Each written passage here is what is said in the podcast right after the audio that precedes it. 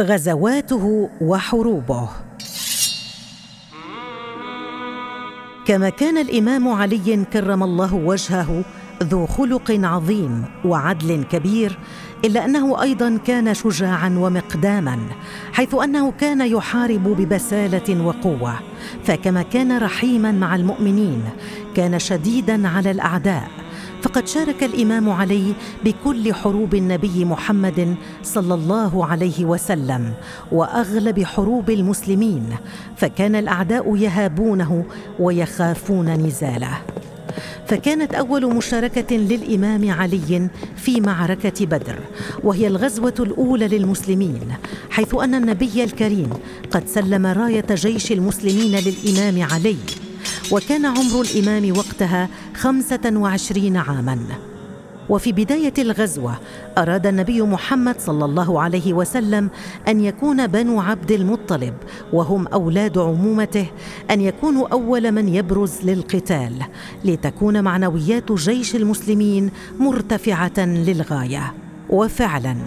كان الإمام علي كرم الله وجهه وحمزة بن عبد المطلب أول من تطوعوا للقتال ولحقهم كوكبة من أخيار المسلمين ليعرف الإمام عن نفسه عندما اجتمعوا للهجوم فيقولون من أنت؟ ذلك لأنه كان يغطي وجهه الكريم فلما عرفوا قالوا كريم كريم.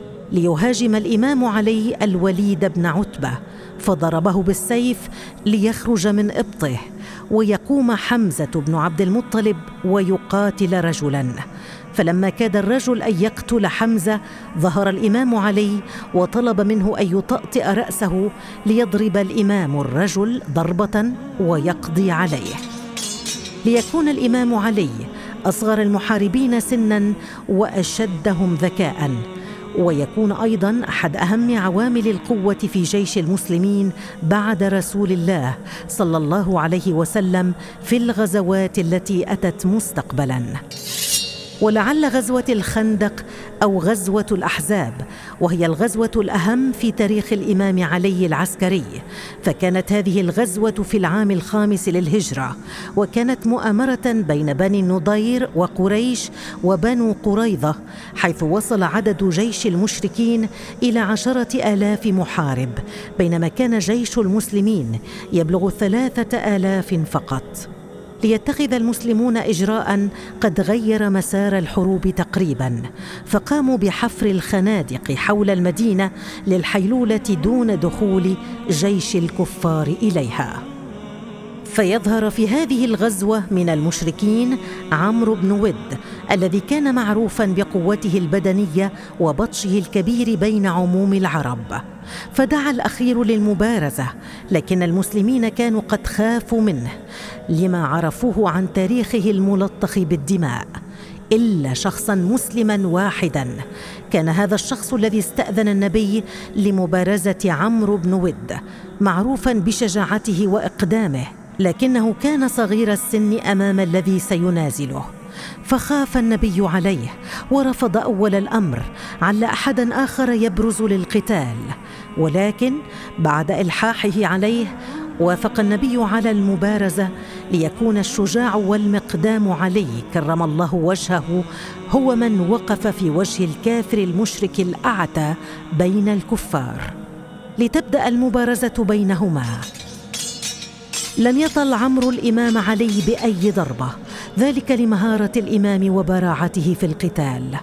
وكانت حشود الجيشين تنظر وتعجب لما ظهر من قوة الإمام علي ليضرب الإمام عمرو بن ود ضربة بالسيف ويجهز عليه. ويفرح المسلمون فرحا كبيرا. ويبهت الذين كفروا وتصبح معنوياتهم تتطاير كالغبار. فصاح النبي الكريم وقتها وقال لا فتى إلا عليه ولا سيف إلا ذو الفقار.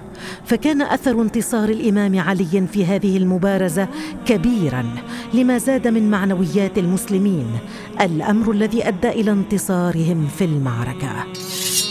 هاتان الغزوتان لم يكونا الوحيدتين اللتين كان الإمام علي كرم الله وجهه مشاركا فيهما.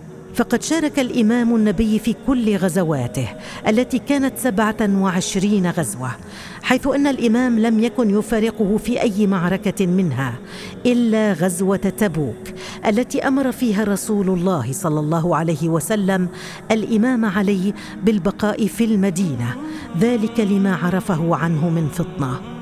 حيث أنه في وقتها دخل عدد كبير من الناس الإسلام وكان من بينهم منافقون كثر فأراد الله ورسوله كشفهم على يد علي كرم الله وجهه. فبقي الإمام في المدينة خلفا للنبي لحين انتصارهم في الغزوة. ويكون للإمام العديد من الغزوات بعد وفاة الرسول الكريم صلى الله عليه وسلم أربع منها كانت في وقت خلافته.